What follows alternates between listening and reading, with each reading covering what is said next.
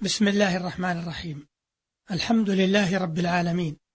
والصلاة والسلام على أشرف الأنبياء والمرسلين نبينا محمد وعلى آله وصحبه أجمعين. معاشر مستمعين الكرام سلام الله عليكم ورحمته وبركاته. أما بعد فلا يزال الحديث موصولا عن اللهجات العربية حيث وقف الحديث في الحلقة الماضية عند لغات العرب المنسوبة الملقبة. والحديث في هذه الحلقة سيبدأ في لغات منسوبة غير ملقبة. ومن أمثلة ذلك ما يلي. في لغة مازن يبدلون الميم باء والباء ميما فيقولون في بكر مكر. وفي اطمأن اطمأن وفي لغة طي يبدلون تاء الجمع هاء إذا وقفوا عليها إلحاقا لها بتاء المفرد وقد سمع من بعضهم دفن البناه من المكرماه يريد البنات والمكرمات. وحكى قطرب قول بعضهم كيف البنون والبناه وكيف الإخوة والأخواه وفي لغة طيء أيضا يقلبون الياء ألفا بعد إبدال الكسرة التي قبلها فتحة. وذلك من كل ماض ثلاثي مكسور العين. ولو كانت الكسرة عارضة كما لو كان الفعل مبنيا للمجهول. فيقولون في رضي وهدي رضى وهدى. وفي لغة طيء على ما رواه ابن السكيت أنهم يبدلون الهمزة في بعض المواضع هاء. فيقولون هن فعلت. يريدون إن فعلت. ومنه قول شاعرهم ألا يا سنا برق على قلل الحمى. لهنك من برق علي كريم أي لإنك. وفي لغة تميم يجيئون باسم المفعول من الفعل الثلاثي إذا كانت عينه ياء على أصل الوزن بدون حذف فيقولون في مبيع مبيوع. لكنهم لا يفعلون ذلك إلا إذا كانت عين الفعل واوا إلا ما ندر. وفي لغة هذيل لا يبقون ألف المقصور على حالها عند الإضافة إلى ياء المتكلم بل يقلبونها ياء ثم يدغمونها توصلا إلى كسر ما قبل الياء. فيقولون في عصاي وهواي عصي وهوي كما قال شاعرهم أبو ذؤيب الهذلي سبقوا هوي وأعنقوا لهواهم فتخرموا ولكل جنب مصرع وفي لغة خثعم وزبيد يحذفون نون من الجارة إذا وليها ساكن.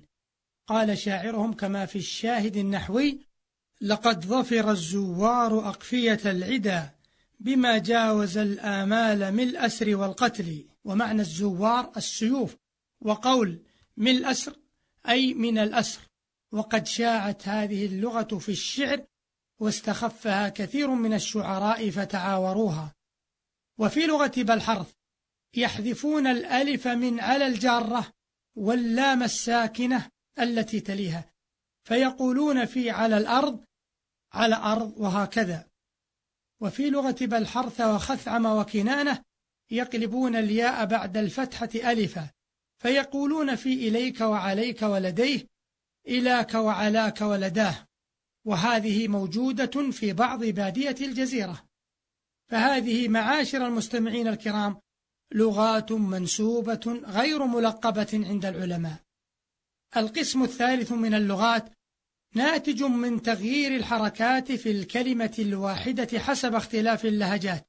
ومن أمثلته هاء الغائب مضمومة في لغة أهل الحجاز مطلقة إذا وقعت بعد ياء ساكنة. فيقولون لديه وعليه ولغة غيرهم كسرها. وعلى منطق أهل الحجاز قرأ حفص وحمزة ما أنسانيه إلا الشيطان وعاهد عليه الله. أما غيرهما فيكسر الياء. وفي لغة بني يربوع وهم من بني تميم يكسرون ياء المتكلم إذا أضيف إليها جمع المذكر السالم فيقولون في نحو ضاربية ضاربي وهكذا. وقال ابن جني إن أبا الحسن الأخفش حكى أن سكون الهاء في مثل هذا النحو يعني في ضمير النصب المتصل لغة لأزد السراه. ومثل هذا البيت ما رويناه عن قطرب من قول الشاعر وأشرب الماء ما بنحوه عطش إلا لأن عيونه سيل واديها. انتهى كلام ابن جني. وهناك لغات في كلمات وهي كثيرة جدا. منها أن تميما من أهل نجد يقولون نهي للغدير وغيرهم يفتحها. والعرب يقولون رفقة للجماعة ولغة قيس كسر الراء. والحجازيون يقولون لعمري وتميم تقول وعملي ويحكى عنهم وعمري أيضا. وفي لغات الإعراب وهذا كثير أيضا ومنه متى؟ بمعنى من في لغة هذيل. ويجرون بها. سمع من بعضهم أخرجها متى كمه أي من كمه. ويروون بيت أبي ذؤيب الهذلي المشهور شربن بماء البحر ثم ترفعت متى لجج خضر لهن نئيج.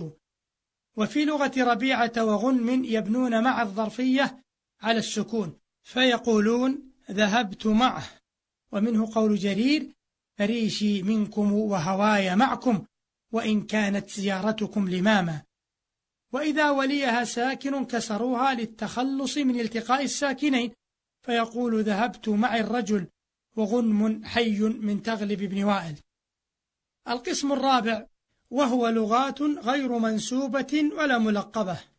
وهذا القسم هو اللغة أو أكثرها لأن الذين دونوها جمعوا كل لغات العرب وجعلوها لغة جنسية فلم يميزوا منطقا عن منطق. ولا أفردوا لغة عن لغة. خدمة للتاريخ اللغوي الذي يراد به خدمة القرآن وعلومه. ولو أراد أحد استغراق هذا النوع لطال به المقام. ومن أمثلة ذلك إبدالهم أواخر بعض الكلمات المجرورة ياء كقولهم في الثعالب والأرانب والضفادع الثعالي والأراني والضفادي. وفي سادس سادي وفي خامس خامي. ومن العرب من يجعل الكاف جيما. فيقول مثلا الجعبة في الكعبة. وبعضهم ينطق بالتاء طاء. كأفلطني في أفلتني. قال الخليل وهي لغة تميمية قحة. القسم الخامس من اللغات وهو ما يرونه على أنه لغة في الكلام أو لثغة من المتكلم. وذلك كالألفاظ التي وردت بالراء والغين أو بالراء واللام أو بالزاي والذال أو بالسين والتاء أو بالشين والسين. فكل ذلك مما يشك فيه الرواة ولا يجزمون بأنه لغة فرد أو لغة قبيلة. فاللثغة في السين أن تبدل ثاء وفي القاف أن تبدل طاء وربما أبدلت كافا وهكذا. هذا وسيأتي الكلام عن اللثغة عند الكلام على عيوب المنطق العربي. وإلى هنا ينتهي وقت هذه الحلقة التي دارت حول بعض اللهجات واللغات العربية المنسوبة وغير المنسوبة. والسلام عليكم ورحمة الله وبركاته.